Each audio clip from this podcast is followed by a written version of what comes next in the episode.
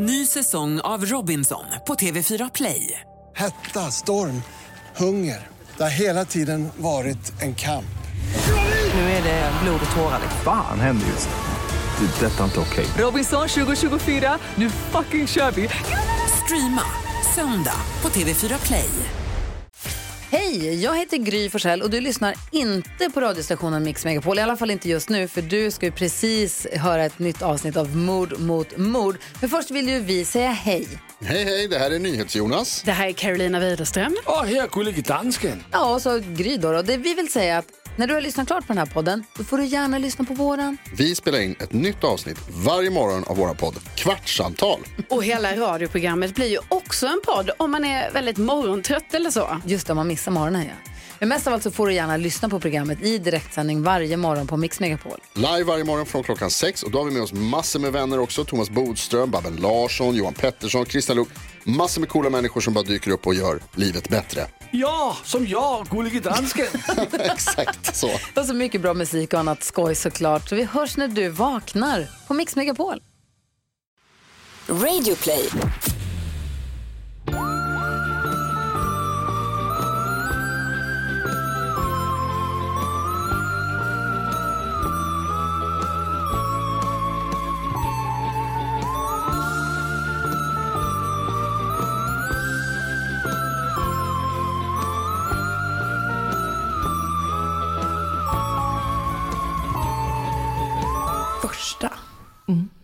Har vi släppt? Ja, vi, Vi har släppt. vi har släppt. Men det. första gången vi spelar in på det här Exakt, året. exakt verkligen. Det här är Mord mot mord. Yes. En true crime podcast som görs av dig, Anna Sandell, och av mig, Karin André. Stämmer. Hur mår du?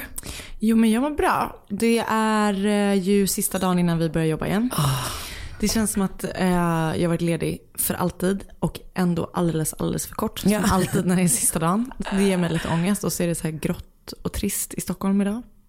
Men jag, på det stora hela mår jag bra. Du har ändå fått vila mycket. Jag har vilat, det är typ det enda jag gjort. Ah, fan skönt. Jag, sov, jag har sovit middag, alltså sovit länge och sovit middag varje dag. Fram Vänta, vänta. Vad, när du säger sovit länge? Ja men typ till tio. Oj! Gud, för du är ju verkligen sån, Ah, ja. alltså vakna, Vakna klockan sju. Ja, exakt. Mm. Jag har sovit typ till minst nio varje dag. Det är otroligt. Det är otroligt. Stolt över dig. Tack. Och sen har jag sovit typ mellan en och två timmar på eftermiddagarna. Fram tills för typ några dagar sedan. Det jag liksom inte kände mig trött på Åh, nej, eftermiddagarna. du, har sovit klart. Jag har sovit klart. Så jag är väl redo att börja jobba egentligen. Egentligen. Hur mår du? Ehm, men jag är nog inte alls redo att börja jobba. När är man någonsin det? Nej men vi har haft nu eh, de två senaste kvällarna, eller nej, fredag och lördag nu har varit ganska liksom har stökiga kvällar. Eh, och jag orkar inte det, jag på att säga. Nej det tar ju. Och det har varit skitroliga kvällar. Alltså så här, eller i lördags var vi, vi firade Runsten, våran kompis. Och han hade typ en idé om att han bara, jag vill ha en lång lunch som går över i en kväll och så kan man äta middag om man vill. Och det var exakt så det blev. Och det För är ju de bästa dagarna. så. Nej exakt. När man bestämmer att man vill ha det så så blir det ju aldrig så. Det Nej, jag var vet. härligt att det blev så. Jag vet, jag var också så glad för hans skull. För att jag visste om att det verkligen var Men ska man, det är ju egentligen alltid så. Och så har vi alltid gjort, typ jag och mina tjejkompisar från mitt, mitt äldsta tjejgäng. Att vi eh, ses på lunch. Ja. Och så gör man inga planer på kvällen. Så att man kan, men man måste inte. Man får egentligen aldrig yttra de orden. Nej, nej då är det cursed. Mm. Det var en gång vi var på Rish i 12 timmar. Det var faktiskt bra helt- jobbat. Också hur fattiga var ni efter det? Det var ett skämt verkligen. Då var det verkligen nudlar resten av månaden sen. Ja men vad kul. Jag tänkte på det när jag såg på din Instagram att du så här, typ gick och tog en AV i fredags. Ja. Att jag bara, då jag jobbade jag ändå torsdag, fredag. Ja, fast hemifrån. Ja just det. Ja. Jag bara jobbade, jag gjorde det, jag jobbade hemifrån ja. Mm. Men att ehm, jag bara var helt så här dagvill och typ att min kompis Lovisa bara, vad gör du i helgen? Jag bara, helgen? Va? Typ jag fattar ingenting. Vilken dag är Fattar vi? ingenting. Eh, ja, nej men exakt. Men eh, jag ska ju, nu har jag bara bestämt mig, alltså resten av veckan får bli väldigt lugn. För vi gifter oss på lördag. Ja. Vilket känns helt sjukt. Det känns väl superhärligt eller? Ja, alltså jätteroligt. Bara, Nej, jag har tyvärr fått eh, kalla fötter. Skulle jag vilja deklarera här i, den här, i det här sammanhanget. Nej men det ska bli så jävla kul. Men det känns som att man vill eh, se till att vara rested. Men det, och det kommer du ju vara. Ja, ja det tror jag. Du, jag bara tar ledigt hela veckan från jobbet. Men du ska väl Eh, vara ledig på fredag? Halva. Halva fredag. Nej, det ska bli eh, så jävla jävla skoj. Ja, det tycker jag också. Bra. Väldigt kul. Ehm, annan grej man har gjort under ledigheten, eller jag har gjort i alla fall, kollat absurt mycket på TV. Eh, om jag har. Jag har ju plöjt hela You säsong två. Och ett såg du väl också? Just det, För jag har sett hela säsong två. Du har sett ett och två. Ja. Det var det som var så sjukt. Ja, Alltså, eh, what den, the fuck? den har ju varit eh, up for discussion även i gruppen. Men herrejävlar, jag låg ju lite före dig eftersom Ja. du var tvungen att se hela säsong ett. samtidigt som jag började titta Jag bara, okej. Men alltså, det är så sjukt för den är så dålig. Ja. Men den är också så jävla spännande. Man kan inte sluta titta. Alltså, Nej. jag brukar ju aldrig titta mer än en kvart typ när jag ligger i sängen innan jag ska sova. Jag låg så här en timme och bara, ska jag ta till? Ska jag ta till? Det gick inte att sluta titta. Nej jag vet, men jag tycker också heller inte att den fått tillräckligt mycket skit. Nej, gud, alltså nej. rent kvalitetsmässigt. Nej, nej. Alltså, Men det är ju, det är ju, det är ju 2000, 2000-talets Sunset Beach. sämsta serie hittills. Ja. Men den är också, alltså Men den, den, är ju, den har ju något. den har någonting och jävlar vad man inte vill sluta kolla. Men what the fuck var det där? Alltså det var så stört. Och att både du och jag hatar ju eh, Penn Badgley. Alltså Joe. Oh, Alltså han är typ en av de stör, för att han är en killtyp, om man tar, tänker bort det här seriemördandet Aha, så är han verkligen en killtyp som finns. Ja. Eller seriemördandet finns ju uppenbarligen också. Men, men man har inte stött på så många kanske. Eh, och det är är- en av de störigaste killtyperna. Han är en fruktansvärt irriterande person. Men också för att han är den, du vet en sån snubbe som så här, sätter en på en total piedestal. Mm. Men bara om man är exakt det han vill att man ska vara. Mm. Och så tycker han att han är så jävla god. Vidrig. Och smart typ. Nej fy fan. Mm. Nej, den är helt, helt störd. Men det är också kul att folk är så himla upprörda för att det verkar som att han är o... Jag ska inte säga något. Nej, så, inga spoilers. För jag höll också precis på att spoila det som hände. Som jag bara, har, du, har det hänt än? Som jag skrev till dig. För det är ju en superkonstig twist i slutet. Ja men alltid, alltid, alltid så himla konstigt. Men det sagt Mm. så vill jag ändå verkligen säga. Se den. Men jag såg också den här Luke Magnotta Just det, Luca don't fuck Magnotta. with cats. Kittens. Kit Cats heter den nog ja. Den heter bort, Håll borta, tassarna borta. Ja men det är panik. Alltså var- varför översätter jag trodde vi hade slutat med det efter firma Ruffel och båg som de döpte Arrested Development till. Det, det visste inte jag. Firma Ruffel och båg. Det är sjukt. Eh, ja, men jag har har du sett den. den? Nej. Du har ju gjort det fallet. Ja men fan vad jag inte gjorde. Jag vill verkligen ta tillfället i akt här och säga att gud jag inte gjorde det rättvisa. Fan vad spännande det är alltså. Men det är för att då är det är att han, det här, jag visste när, är det, hmm, okej jag börjar om. För jag känner så här, då har jag ändå precis, jag har ändå gjort honom på något typ att jag bara what? Typ. Men är det så- typ att liksom att eh, internetfolk börjar sätta igång och leta efter honom? Ja, För nej. den aspekten kände jag typ inte till. Inte jag heller. Och eh, det börjar ju med den här katt, när han mördar katter i en video. Och det, det, hur är det nu? Man behöver, får man se det? Alltså, eller man får inte se det i, men Nej. man, fatt, man får se delar av det. Man får inte se liksom, the actual det. Men man, man liksom ser det som leder upp till att de dör. Eh, och han lägger ut det på YouTube eller på Facebook eller någonting. Och så är det någon så här internetgrupp med så internetnördar som bara blir jättearga. Och så är det framförallt två, eller det är två personer som man får följa i den här gruppen. Som liksom lägger typ all sin fritid på, På att hitta honom. På att hitta honom.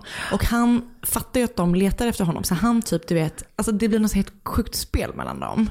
Jag hade ingen aning om det. Ehm, eller så har jag läst det och typ, ja, ja, Nej men typ för är jag känner alltså, man vet ju om hela, Ja, alltså, ja. Det, det, och de då berättar hur de har så försökt få uppmärksamhet till, mot honom. Ja. För de hittar ju typ honom. Ja, Långt men, innan polisen gör. Eh, fast då har han ju inte mördat någon. nej. Eh, men den är så jävla sjuk och han är så jävla sjuk. Ah. Alltså, han ah, är nej, men så han är sjuk. så jävla obehaglig. Och typ det som jag heller inte då uppenbarligen sa i, i vår podd är ju att han så här, ehm, så jag säger det nu. Ehm, han, liksom, jag vet inte ens hur jag ska säga det, men han, gör, det, han liksom ger du vet, tips om allting i sina videos. Vad han ska göra nästa steg. Han har typ, hans favoritfilm är Basic Instinct, så han så här flörtar med Basic Instinct i alla filmer. Ja som- förlåt men han Alltså, är en han sån är- jävla tönt. Alltså, Fy fan vad störigt. och att alltså... Otroligt självupptagen, självgod Så jävla självgod. Och det, det som är sjukt är också att de pratar med hans mamma. Och du vet, alltså han har ju så här Åh, långt innan han börjar med den här liksom, djurmördarfilmen. ehm, liksom börjat preppa typ för vem han ska skylla på sen. Nej, men den är jätte, Okej, ja, men jag ska den, se den. Den är jätte, jätte, jättebra. Men det finns ju ändå typ en svensk motsvarighet till det. Som är att Flashback hittade en, en snubbe som mördade katter i Lerum. Just det. För att han också var aktiv på Flashback typ. Och de kopplade ihop olika random grejer typ. Eh, och till slut var så här, it's this guy. Ja, jag vet. Också för, det är också fascinerande för att de, gud vad de har någonting som du och jag inte har. Exakt. Tålamod. Tålamod. Men, nej men för, Och annat kanske. Men, och Fritid. Typ teknik, teknikförståelse i mitt håll. Ehm, nej men som en, den, här, den här tjejen säger, som är en av de här internetnördarna. Hon bara, jag tyckte det var så pinsamt att komma till jobbet. För hon känner sig så här hotad. För att han, hon jobbar typ, äh, okej du får se. Jag ska inte spoila. Jag ska inte spoila. Ja, jag ska kolla på den. Det låter väldigt, väldigt Jag orkar typ inte bara, jag vill inte se någonting som bara handlar om honom. Nej. För att man vet om att han blir så jävla glad av Och det det. pratar de ju om i den här också. Men då känns det ju också som att det är typ, den här historien låter ju som att det är lite så revenge av folk som också jagade honom typ. Det blir, ja, jo. Men det blir lite så här töntigt i slutet för då säger de typ så här bara Are all of you watching this documentary uh, complicit in... Du vet, alltså så här. Ah, ja. Man bara, ja, fast ni har gjort den så släpp Exakt. Men jag vill ändå säga så här, för jag tänkte inte att jag skulle se den. Nej. Eh, Är det en serie eller en film? det är en serie. Eh, Hur många avsnitt? Tre avsnitt. Ja men det var ändå bra. Ah, en timma, precis. För det räcker. Ja men och det räcker nästan alltid. Alltså det stör mig jättemycket med När typ det är alla. tio avsnitt. Ja exakt att det är typ såna, ti- exakt tio timmar om typ ett fall. Man bara, fast nu är det bara att ni gör såna långsamma dragningar över så frysta landskap. Men när vi ändå pratar om det. Så, Ja, kör. Confession Killer. Eh, jag har inte sett den. Nej, för den är ju typ sex avsnitt. Ja. Men den tyckte jag ändå liksom hade någonting hela vägen. Men den är, det ju väl också um, extremt många erkännanden. Och Ja, liksom det är så här- 400 eller något sånt där. Ja, också det. Fucking. Ja. Alla mördare, så otroligt störiga eller? Alltså, men, Jävla bunch of nerds. alltså han har, den, den, den här Confession Killer är ju typ otroligt, otroligt sorglig också. Ja. För han har ju i och för sig mördat någon så han är ju en mördare. Men det är sorgligt. Ja, den är hemsk bara. Ja. Jag ska kolla på den med. Det är kul när vi kommer ha såna, eh, liksom sist av alla kommer vi prata om. För då har jag väl hunnit ikapp när jag har plöjt klart Wahlgrens värld som jag gör just nu. Men det vi har alltid i världen. Ja jag vet, Du det är det som är så skönt. Ehm, men nu tänker jag att vi poddar. Ja. Ny säsong av Robinson på TV4 Play. Hetta, storm, hunger. Det har hela tiden varit en kamp. Nu är det blod och tårar. Fan händer just det. Det är detta inte okej. Robinson 2024, nu fucking kör vi! Streama söndag på TV4 Play. Ett poddtips från Podplay. I podden Något Kaiko garanterar östgötarna Brutti och jag, Davva, dig en stor dos skratt. Där följer jag pladask för köttätandet igen. Man är lite som en jävla vampyr. Man har fått lite blodsmak och då måste man ha mer. Udda spaningar, fängslande anekdoter och en och annan arg rant. Jag måste ha mitt kaffe på morgonen för annars är jag ingen trevlig människa. Då är du ingen trevlig människa, punkt. Något Kaiko, hör du på Podplay. Därför är gardinerna.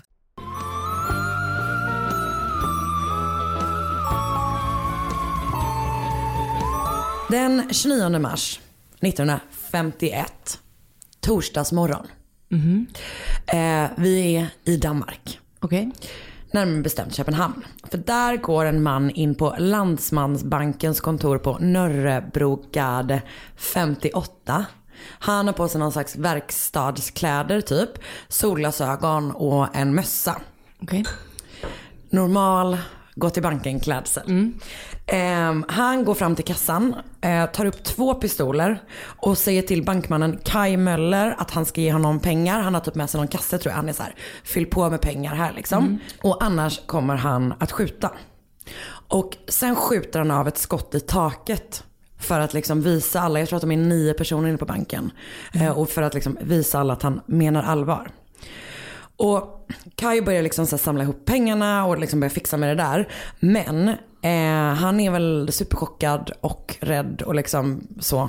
Ehm, så mannen tycker inte att Kai jobbar liksom tillräckligt snabbt. Nej. Så han skjuter honom Okej. och han dör direkt.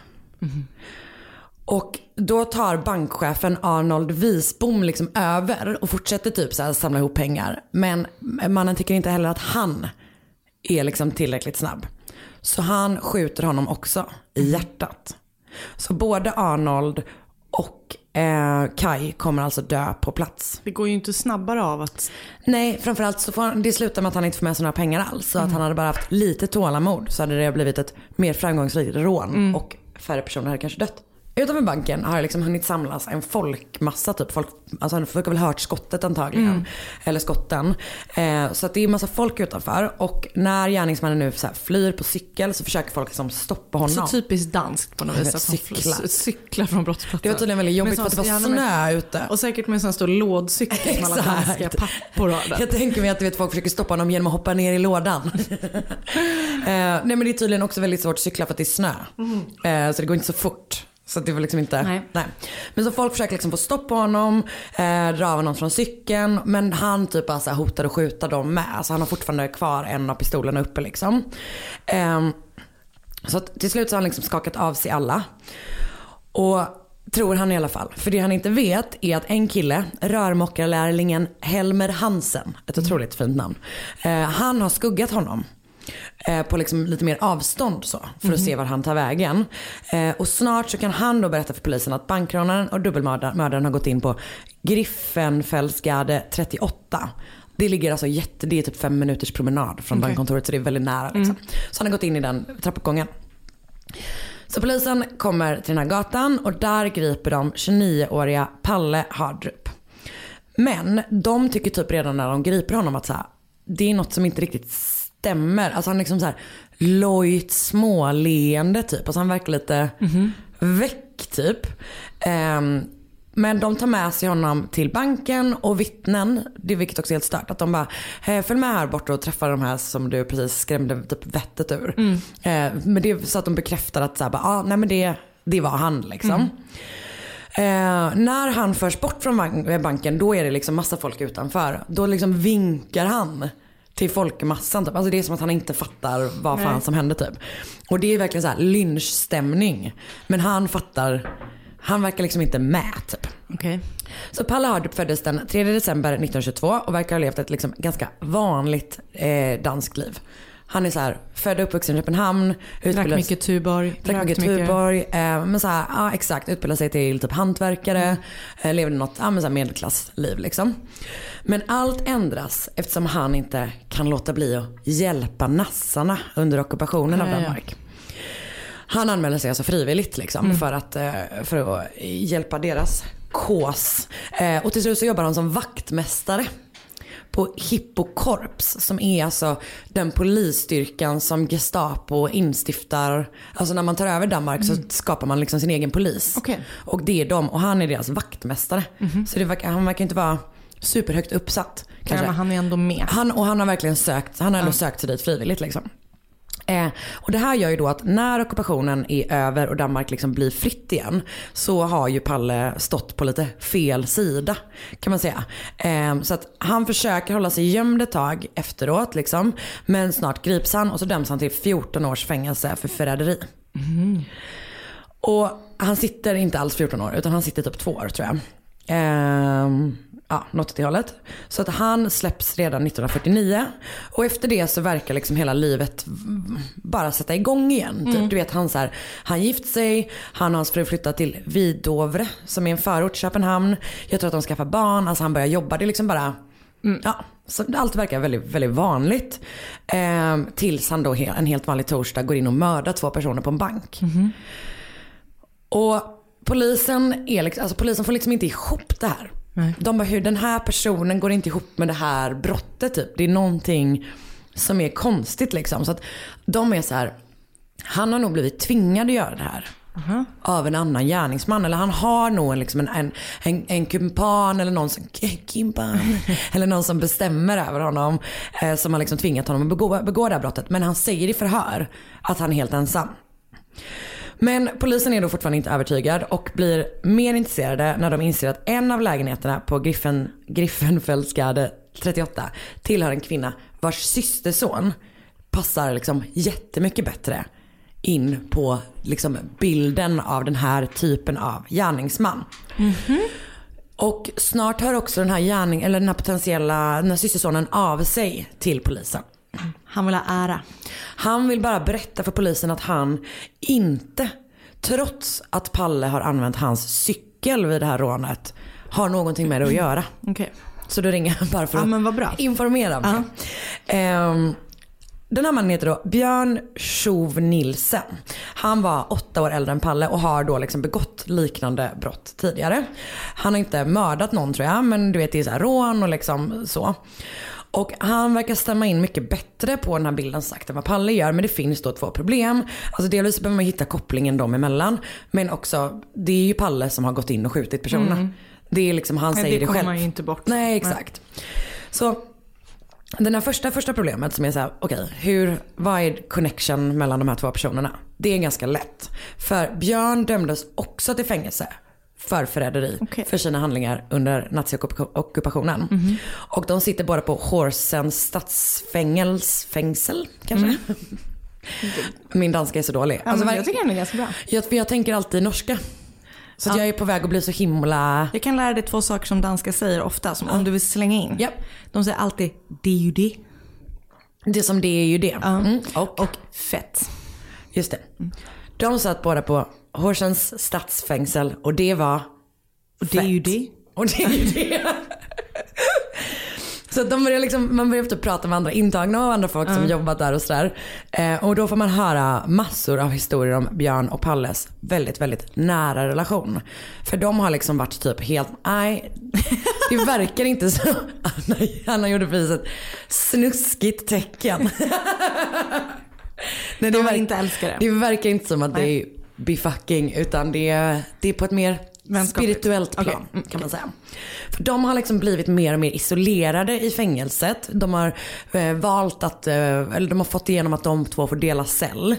ehm, på Björns initiativ. Och sen har de ägnat liksom all sin tid åt yoga, meditation men Aha. också trans, alltså att man försett, att Björn har försatt Palle i transliknande tillstånd och sen har de ägnat sig ganska mycket åt hypnos. Okej, spännande. Eller hur? Alltså yoga meditation, härligt. Och otippat på något vis. Ja, ja verkligen. verkligen I så. danskt fängelse på 50-talet. Ja, eh, jag vet typ inte riktigt var det kom ifrån. Men eh, alltså än så länge tycker jag att det är lite härligt. Eh, Björn blir liksom, det är lite grann som att de startar en liten sekt.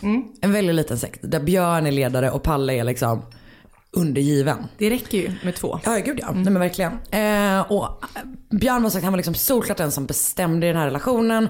Eh, de höll på med sina övningar hela dagen, varje dag.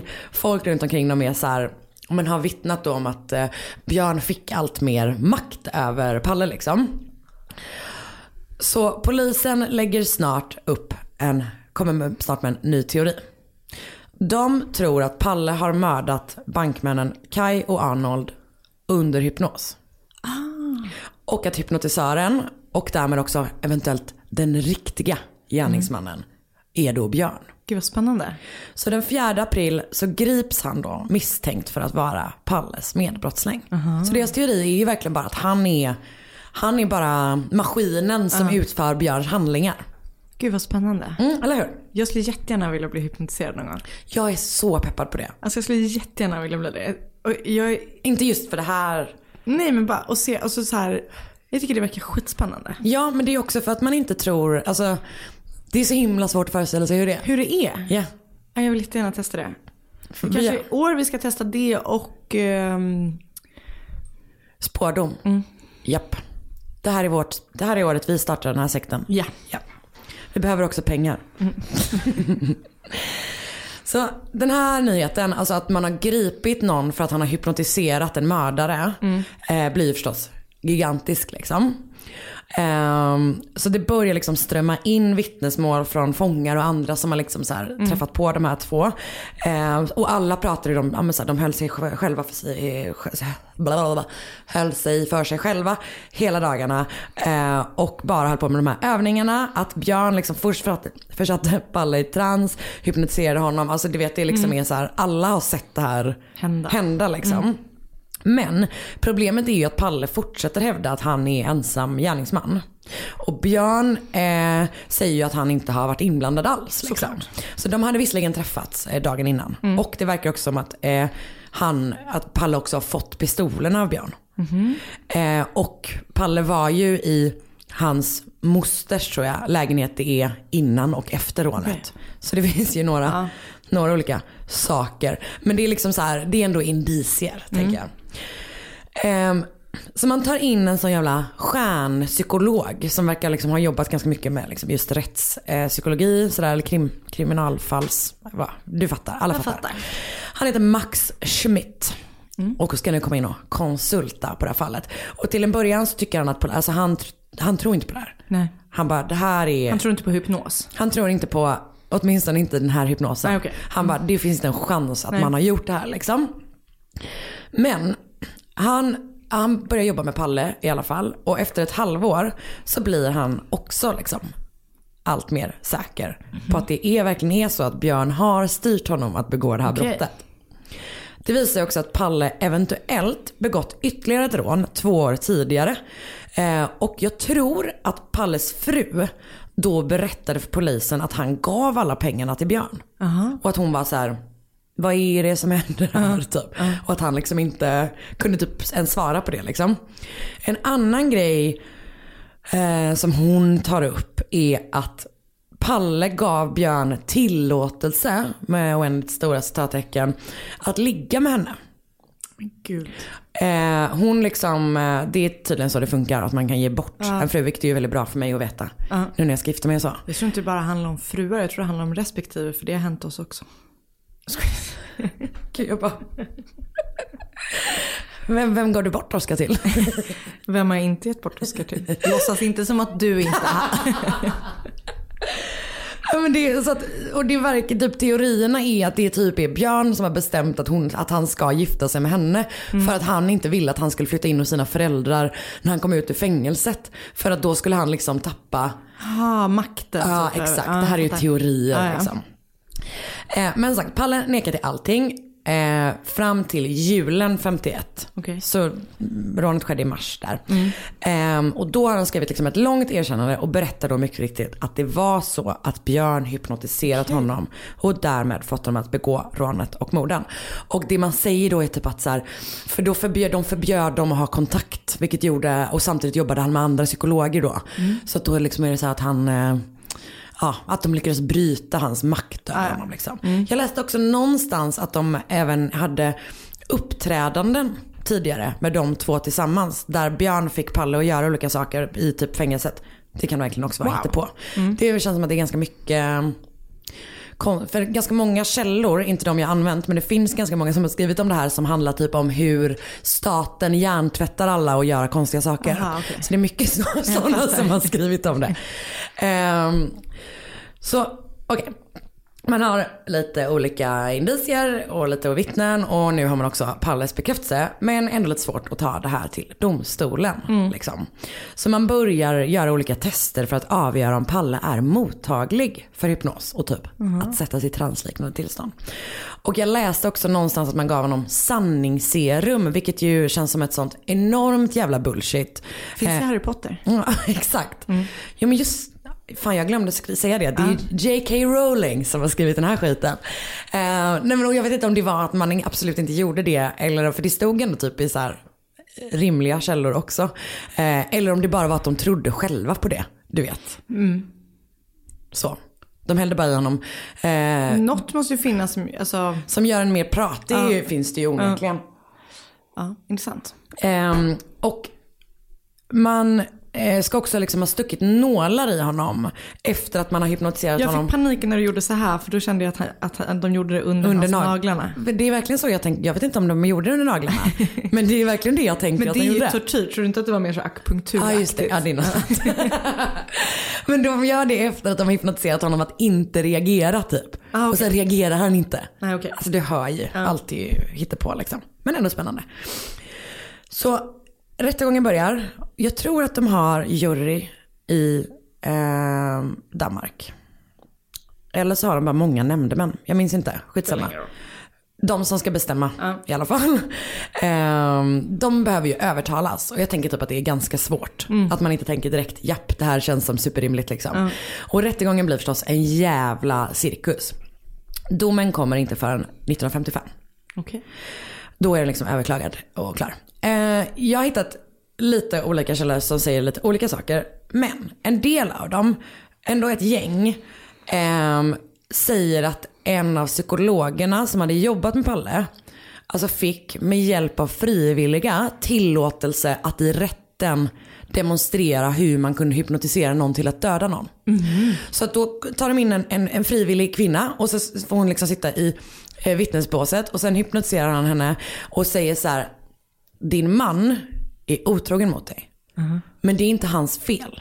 Utan han blir tvingad av en väldigt farlig kvinna. Och hon är farlig för världen, hon är farlig- farlig för honom, han är far, hon är farlig för er familj. Alltså du vet så här. Så det bästa vore om hon inte fanns mer. Det hade varit tryggast så. Och sen har han också då placerat en till frivillig i publiken liksom. Och så säger han så här, så här ser hon ut, du, du, du, här är en pistol, den är förstås inte laddad liksom. Eh, och så säger han så här, han bara, när du vaknar, hitta henne och döda henne. Okej. Och sen så, och så ställer hon sig upp och går fram och skjuter henne. Men det känns ju som att det lika gärna kan vara så här, låtsas att du är blind Karin och så, så lurar vi skiten ur alla de här. Gud ja. Nej, och det är ju också det som är grejen med hela Palle. För att det är ju skitsmart försvar. Och så, om, man, om nu ändå polisen har introducerat det själva. Som är så här, nej du är inte ensamt ansvarig för det här. Utan det är nog antagligen så att du har blivit hypnotiserad. Alltså det är ju ett liksom... Väldigt konstigt. Ja, extremt konstigt alltihopa. Ehm, 1955, alltså fyra år efteråt, så fastställdes domen då i högsta domstolen. Och Palle Hardrup döms till typ förvar. Alltså han, döm, han, han anses väl inte vara tillräcklig utan han döms till eh, psykiatrisk vård helt enkelt.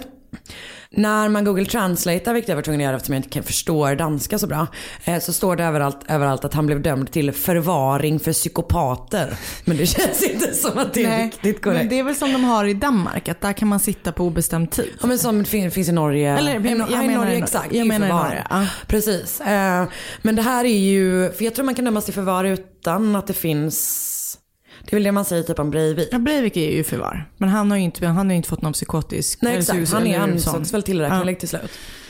Ehm, ja nej men exakt, så det är, jag tror att de kanske också hade, har eller åtminstone hade liksom Mm. förvaringsdom. Men just det, förvaring för Ja, psykopater men är så jävla grovt. Ehm, så Björn Tjov Nilsen döms till livstidsfängelse. Mm. För sin inblandning i morden och i rånet. Sjukt. Men han erkänner aldrig. Han erkänner aldrig. Men har de sånt liv, livstid som vi har i fängelse? Eller? I Sverige.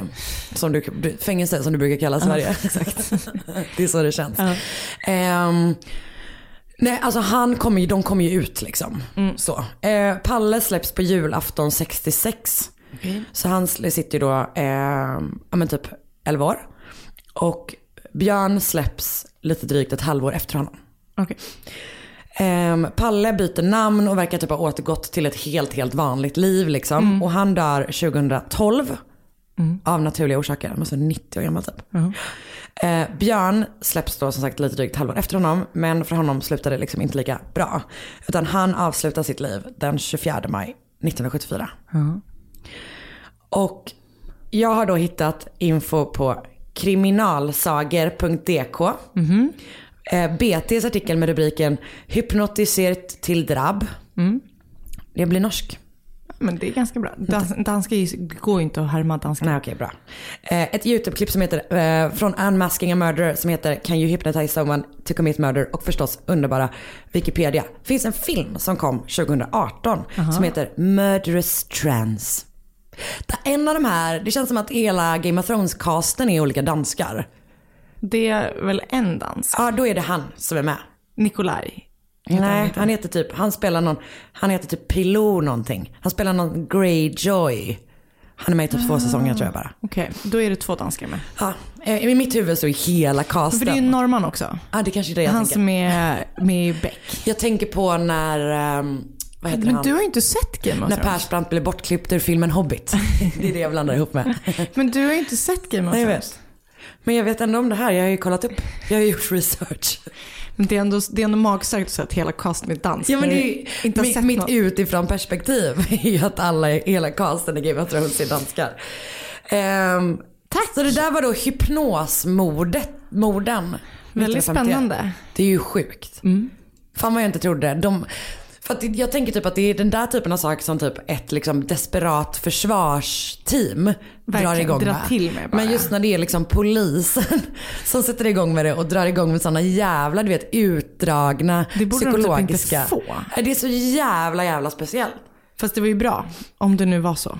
Ja, Det är ju Alltså, väldigt, det är ju, ja. Fan det är svårt att veta alltså, är man, var man står i hypnosfrågan. det är verkligen sant. Min gudmor har ju testat, hon har rökt i alla år. Ja. Mycket liksom. Hon har typ testat allt för att sluta röka. Bland annat hypnos. För det vill jag testa. Mm, men det funkade inte för henne. Ja, okej. Eh, det som funkade Däremot begår hon ofta bankrån numera. det som fungerade längst för henne var att hon var åkte på någon så här behandling i, om det var i Frankrike eller i England. Där de stoppade upp så här långa, långa nålar upp i näsan. Nej, nej, nej. nej Då slutade hon. Ja men det vill jag inte. Nej, okej. Okej. Suit yourself then. Däremot under naglarna. Ny säsong av Robinson på TV4 Play. Hetta, storm, hunger. Det har hela tiden varit en kamp. Nu är det blod och tårar. Fan händer just nu. Det. är Detta är inte okej. Robinson 2024, nu fucking kör vi! Streama söndag på TV4 Play. Ett poddtips från Podplay. I podden Något Kaiko garanterar östgötarna Brutti och jag, Davva, dig en stor dos skratt. Där följer jag pladask för köttätandet igen. Man är lite som en jävla vampyr. Man har fått lite blodsmak och då måste man ha mer. Udda spaningar, fängslande anekdoter och en och annan arg rant. Jag måste ha mitt kaffe på morgonen för annars är jag ingen trevlig människa. Då är du ingen trevlig människa, punkt. Något Kaiko, hör du på Podplay. Därför är gardinerna.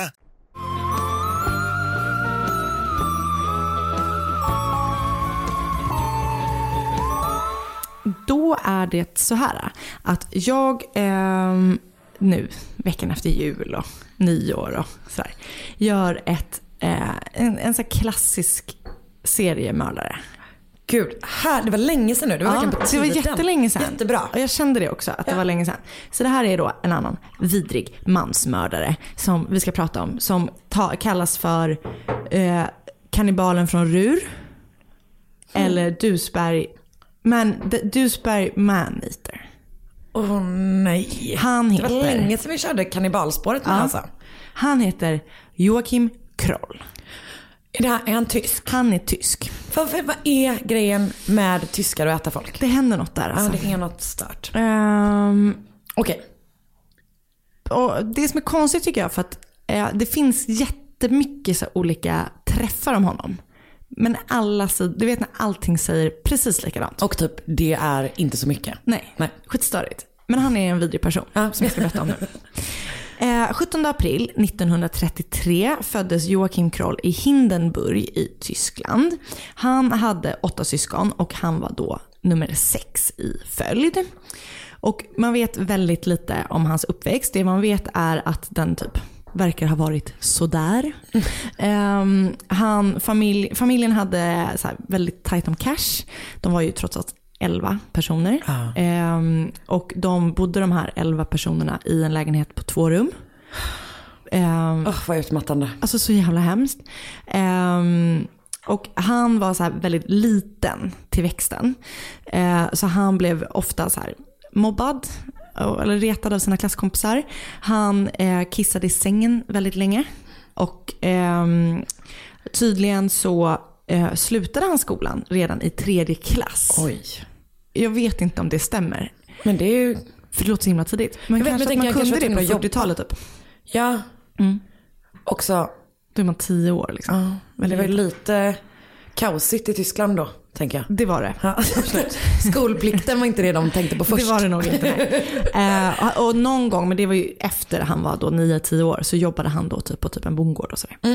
Eh, han hade ett lågt IQ på 76. Det säger typ inte mig någonting. Eh, Det enda vi vet är att Ed Kemper hade högt. exakt.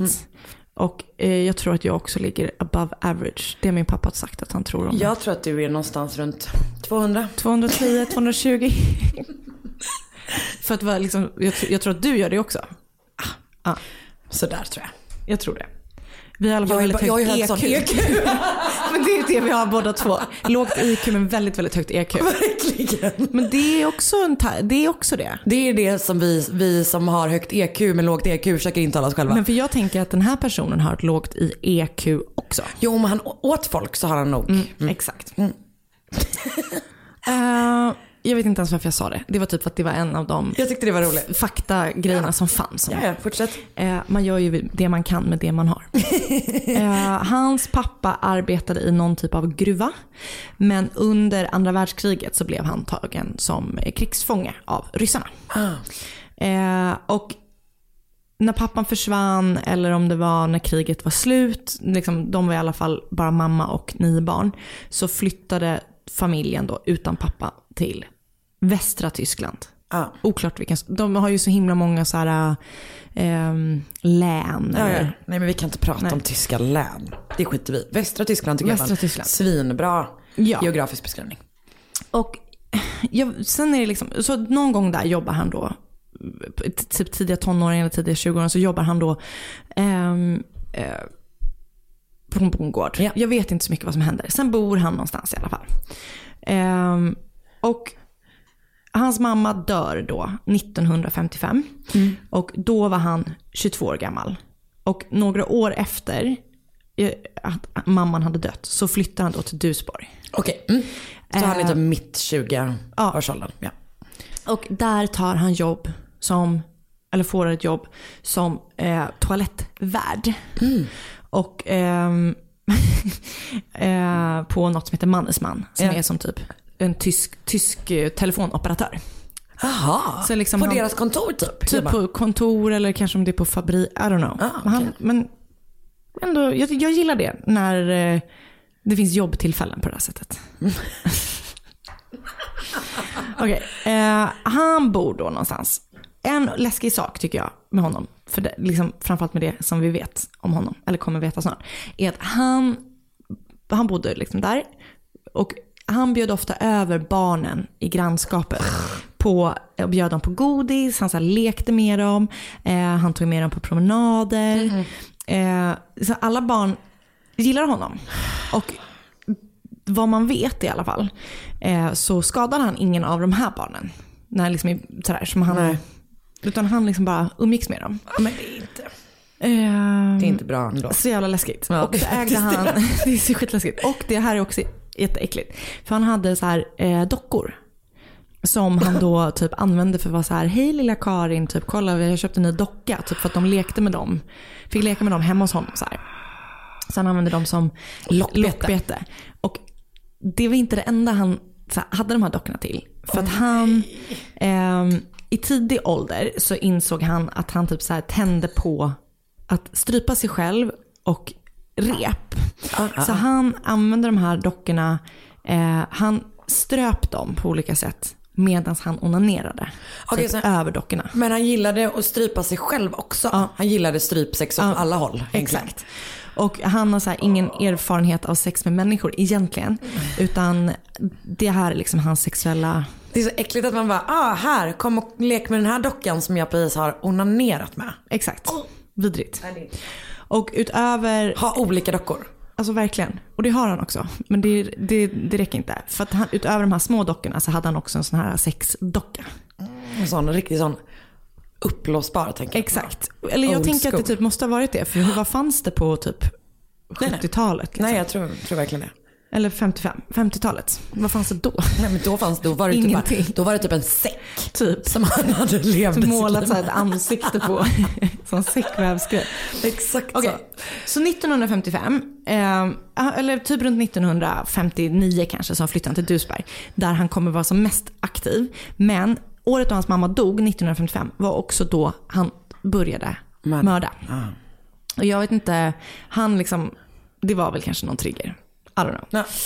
Eh, totalt så dödade han 13 eller 14 personer eh, över 20 år. Och hans offer var i princip uteslutande eh, kvinnor och unga flickor. Ehm, och det, han har mördat en man. Och han var väldigt noga med att så här, inte bara mörda i typ ett område. Utan han så flyttade sig runt. Han var typ strategisk. Väldigt strategisk. Ja. Ehm, så han var liksom aldrig på samma plats och mördade igen. Han, eh, hans tillvägagångssätt, jag ska berätta lite mer noga sen, men han, eh, hans tillvägagångssätt var att han ofta så här smög sig upp på sina offer när de typ var på väg hem från skolan eller på väg från en buss. Och typ om de så passerade genom en park eller typ något litet så skogsområde där de liksom var, inte syntes så mycket. Nej. Ehm, eh, så han smög sig upp på dem och of- han gjorde andra grejer också men ofta var det då just att han ströp sina offer. Ja. Ehm, det är så jävla hemskt. Och efter att han dödat dem så förgrep han sig på dem och ehm, då giving his name Ja. så tog han ofta med sig eh, liksom delar av offret hem. Men inte hela liksom. Utan han typ styckade sina offer ute. Nej, han typ Tog, tog. tog delar, alltså typ så här.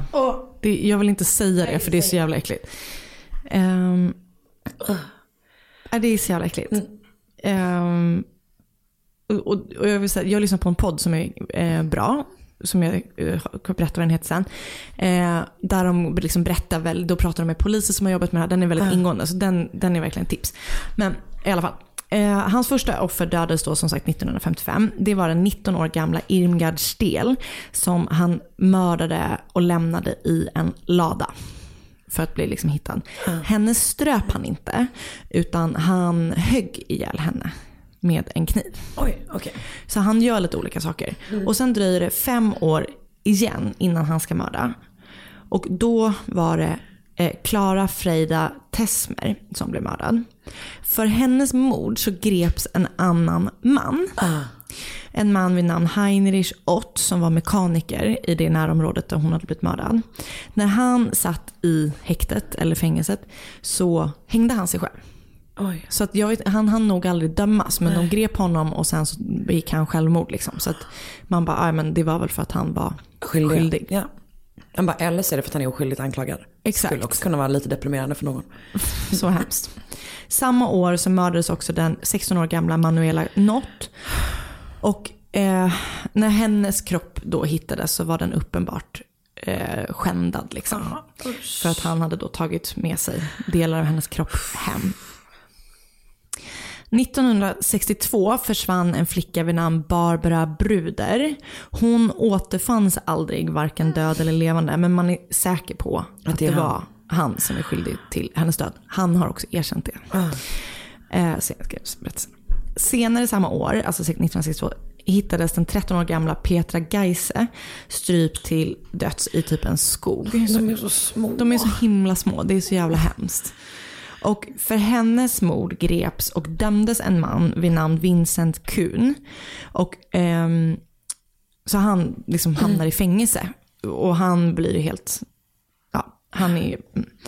eh, och bara två månader efter att Petra har hittats mördad så hittar man också eh, den 12 år gamla Monica Tafel mördad och skändad i närheten. Även för mordet på henne grips en annan man vid namn Walter Quicker. Och jag tror att han är liksom, han har varit sexförbrytare innan och suttit av fängelse. Men sen har han liksom typ startat familj och, och det är inte han. I den här podden som jag lyssnar på så liksom pratar de med hans dotter. Ehm, Fan. så, men han blir frisläppt. För de, hit, det liksom, de inser väl att det inte är han på något vis. Men han, när han kommer ut så blir han liksom så jagad av samhället där han bor. Så han begår till slut självmord. Nej. För att han typ inte orkar leva med att så här, Att ha den, eh, att vara dömd på det sättet Exakt. liksom. ehm, Åh fy fan vad mörkt. det är så jävla hemskt. Ja. Allt med det här är Eh, vidrigt. Det här är, det är verkligen det. Så hemskt. Eh, Den 22 augusti satt 1965 så satt ett par vid namn Herman Schmitz och Marion Ven i Hermans bil på någon sån här Lovers Lane. Eh, när de då blir överraskade av Joakim Kroll. Eh, och Joakim lyckas mörda Herman men Marion lyckas fly. Och jag vet inte varför Joakim inte åker fast Nej. för det här. För hon blir, kommer oskadd därifrån. Men han, det händer ingenting. Hon kanske inte lyckas identifiera honom typ. Eller Antagligen. honom. Det är liksom Någonting har ju hänt. Så att det som liksom skulle kunna bli slutet då 1965 blir inte det utan han får fortsätta. Var typ tio år till? Ja, ungefär. Eh, så jävla hemskt. Och 1966 mördar han tre personer och då är det Ursula Råning som är hans första offer. Hon hittas strypt i en park och hennes pojkvän blir då anklagad för mordet. Eh, och inte av polisen men typ av grannar och sånt. Så han begår också självmord. Men gud. Mm. Hans andra offer eh, det året är den fem år gamla Ilona Harke. Det är så, him- så liten. Och det tredje offret är den fe- 61 år gamla Maria, Maria Hetken. Men han har också sån extrem variation på ålder. typ. Han bara Han bara tar vill det mörda som- alla kvinnor. Typ och vissa så. män. Verkligen. Och den här Maria Hetken, hon var då 61 år gammal och han hade typ gått fram till henne på, där hon sen blev mördad och varit så här, vill du ligga med mig typ? Och då har ju hon såklart sagt nej och då har han typ tappat det. Så han är ju typ så väldigt, typ, jag tror han drivs av liksom att han, den här sexuella lusten typ. Ja, och kvinnohatet. Och, ja, ja, Mm. gud ja. Men liksom att, det- Alltid, alltid en skön kombination. verkligen. Ja, fy fan alltså. Okej. Det är vidrigt. Japp. 1970 dödar han den 13 år gamla Jutta Ran när hon är på väg hem från tåget. För mordet på Jutta så grips en man vid namn Petter Schei, men han släpps senare. Han har däremot erkänt mordet 1976 för att han typ också har fått så påtryckningar från samhället. Att bara, visst var det du som gjorde det? Erkänn bara att det var du som gjorde det. Så han erkänner. Han har liksom falskt erkänt då. Ja. Men jävlar vad sjukt. Jag tror att, jag vet inte exakt vad som hände med honom, men, men Ja. han, ja. alla de här som jag säger nu erkänner sen Joakim Kroll. Ja. Så att de här kommer, han får väl typ säkert resning, hoppas Men det är jag. hur många som helst. Du har Det är så hur många. många som helst Mm. nu. Och eh, det året som han då till slut skulle åka fast, 1976, mördade han två personer innan han greps. Och det var den tio år gamla Karin Torpfer och den fyra år gamla eh, Marion Ketter. Och det var till slut då mordet på Marion som skulle leda till att så här, man till slut, till slut kunde sätta dit honom. Okej. Så att han lyckas då mörda, ja men det är typ 14 eller 15 personer. Eh, under 20 år, helt ostört. Man har inte ens en tanke på att det är han.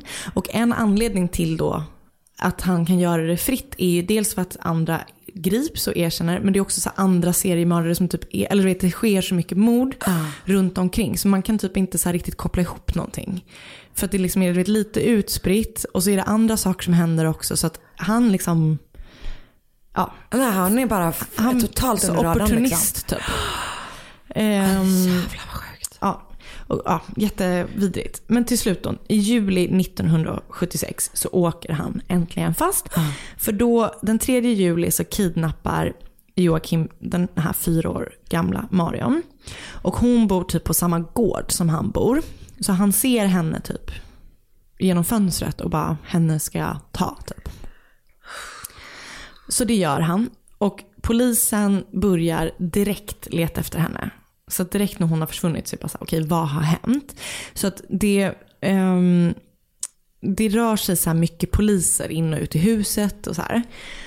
Och, um, och om det är samma dag eller om det är liksom två, en, två dagar efter, men det är precis liksom kort efter att hon har försvunnit, så blir det stopp i avloppet där Joakim bor.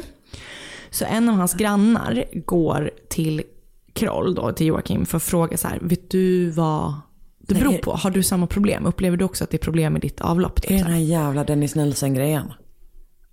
Och då så svarar han bara så här, guts. Att det är guts. Mm.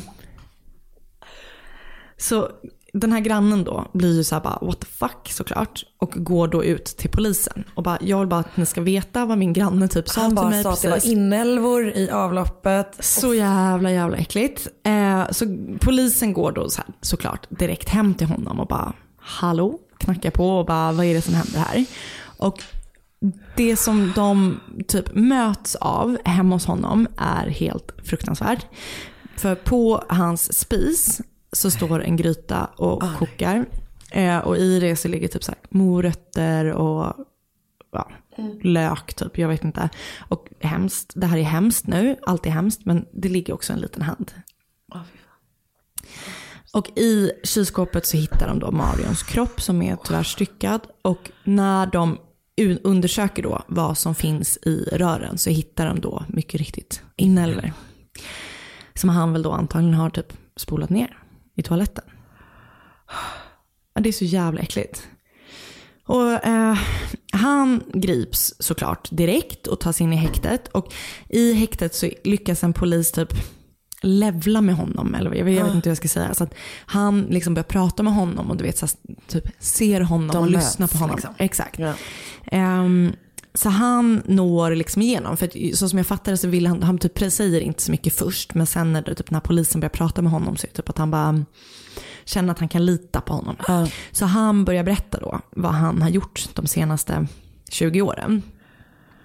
Och han typ tar med dem runt så här på olika brottsplatser, berättar precis vad som har hänt. På vissa platser så, eller han, det finns bilder när han reenaktar brotten med en polis. Alltså de är, vad helt, de är så obehagliga. Mm. Han har så här, du vet, såna riktiga glas, såna riktiga äckliga mördarglasögon typ. Sådana som min kille har. Mm. Tyvärr. Jag tänkte precis, när jag sa det, jag bara, det är sådana som Marcus har. Ehm, de är skitläskiga de bilderna. fan vad obehagligt. Han erkänner då totalt 13 eller 14 mord, det är lite olika beroende på vad jag läser. Och då även de här morden som andra män har blivit gripna eller dömda för, som vi pratade om innan. Han erkänner också att han har eh, skändat kropparna efteråt. Men han säger att anledningen till att han har gjort det är för att Eh, inte så här direkt för att han fick någon njutning av att äta det. Utan mer för eftersom det var, eh, kött var en brist, bristvara i landet. Så mm, eh, sparade han pengar på det viset. Ah, absolut. Absolut. Alltså så jävla stört. Vet du vad? Ät en morot till Alltså verkligen. och håll käften. Ehm, och det som var intressant, och jag lyssnade på den här podden som jag rekommenderar, som var, det är liksom en av källorna, som heter eh, What Makes a Killer, The Man-Eater of Dewsbury. Och där pratar de om den här polisen då som har lyckats nå fram till honom och de säger så här att han typ gav honom glass och du vet typ sådana grejer. Och då tänkte jag just på Confession Killer som du inte har sett. För där får ju han typ en milkshake för varje mord som han erkänner. Nej men det är helt stört. Det är så jävla sjukt. Och, och jag, det, det, jag vet inte um, om det finns något bevis för att det är så här, men jag bara tänkte på det. Att, så här, Ja. Gud vad det är farligt att... Alltså man vill ju vara en så här human polis som levlar och bara så här, det är klart att du ska ha... Men, men plötsligt sitter man där och har så eh, Thomas Quick. Exakt, det är så Hans sjukt svårt. milkshake. eh, ja, jag vet inte. Ah, nej, nej, nej. Det var bara en reflektion. Ja men verkligen. Ehm, och man kan väl typ säga att så här, han fattade typ inte riktigt vad som skulle hända honom när han erkände allting. För han hade ehm, en tanke om att så här, om jag erkänner det här nu och berättar så kommer de ge mig en medicin som stoppar min lust att mörda folk, sexmörda folk typ. Och ehm, som, som stoppar de här tankarna. Och så får jag komma ut igen. Så det är liksom hans ingång när han erkänner det här. Att han typ tror att bara, bara jag berättar så kommer jag få hjälp. Och då sen kommer jag få komma ut igen. Oj. Så sjukt. Ja och väldigt Och så- sorgligt. Så sorgligt. Och, och då, ja så sorgligt. Puh. För så är det ju såklart Nej, inte. nej, Ehm, och han greps då 1976 och någonstans är det står att rättegången inleds 1979 och någonstans står det att det är typ slutet på 1981. Det dröjer i alla fall ganska länge innan rättegången sätts igång. Och han tror då att han ska få hjälp och bli fri. Men istället så efter 151 dagar i rätten, Åh jävlar. ja, väldigt länge, Ja, lång tid. så döms han då till livstidsfängelse. Och han sitter i nio år innan han dör inne i fängelset av en hjärtinfarkt. Så sjukt. Jävlar. Så, så det var lite kort då om ehm, The Man Eater från Dewsbury. Och jag, och jag skulle lyssna på den här podden, What a Killer, eh, The Man Eater of Dewsbury. De, de pratar ju om massa olika mördare typ. Eh, för där pratar de med poliser och lite så här, sånt. Spännande. Och sen så har jag också läst såklart Murderpedia och Wikipedia. Eh, en art, något som heter Wicked We. .com snedstreck Joakim Kroll. Ja. Eh, och sen Ranker. Fina ranker. Facts about Joakim Kroll. Ja. Dewsbury Manager. Men... Ja jävlar. Ja. Läskig. Och Men jag, jag kände typ när jag läste om det att jag bara, liksom, man blir trött av sådana här människor. Alltså det blir man ju av alla som mördar. Men det är någonting som bara så här, fan låt barn få gå hem från skolan i fred. Verkligen. Nej men verkligen. Ja, Puh, fy fan. Men hur stort liksom, område rörde han sig i ungefär? Vet du det? Alltså jag vet inte exakt. Nej. Men det är ju runt Dusberg. Ja, så det är ändå runt en och samma stad. Ja. Vilket också är så jävla De, obehagligt. det att- borde kunna gå. och- Exakt. Mm, man tycker ju det. Det är ändå typ 13 eller 14 personer liksom. Men så är det under så sjukt lång tid och med så här många år emellan. Och du, en av flickorna som han mördade. Och li- lite olika också va? Exakt, hade han dränkt i typ en sjö. Så typ först är det typ att de bara, ja men hon har drunknat. Just det. Och sen så bara, nej men det har hon inte. Alltså Nej, du vet att nej, så här, nej, ja. Det är sant. Det är liksom. Men Plus att det- jag tänker typ att man inte tänker att det ens kan hända typ. Nej. Alltså att vi, att man inte, att så känner man väl fortfarande ändå i Sverige ganska mycket liksom. Verkligen. Att man kanske inte typ skriker seriemördare det första som händer liksom. Nej. Men han är en sån jävla obehaglig kombination av typ en sån damer, Dennis Nielsen, alltså Men de där liksom. Ja, fy fan. Tack så jättemycket. Tack själv. Tack så jättemycket för den här veckan. Ja tack. Um, önska fall på Instagram av oss. Eh, Gå med i vår Facebookgrupp. Nästa avsnitt nästa vecka kommer bli liveavsnittet från Kalmar. Just det. Kul. så hörs vi eh, igen veckan efter det. Just det. Ja. Hej då! Ny säsong av Robinson på TV4 Play. Hetta, storm, hunger. Det har hela tiden varit en kamp. Nu är det blod och tårar. Fan händer just. Det. är Detta är inte okej. Robinson 2024, nu fucking kör vi! Streama söndag på TV4 Play.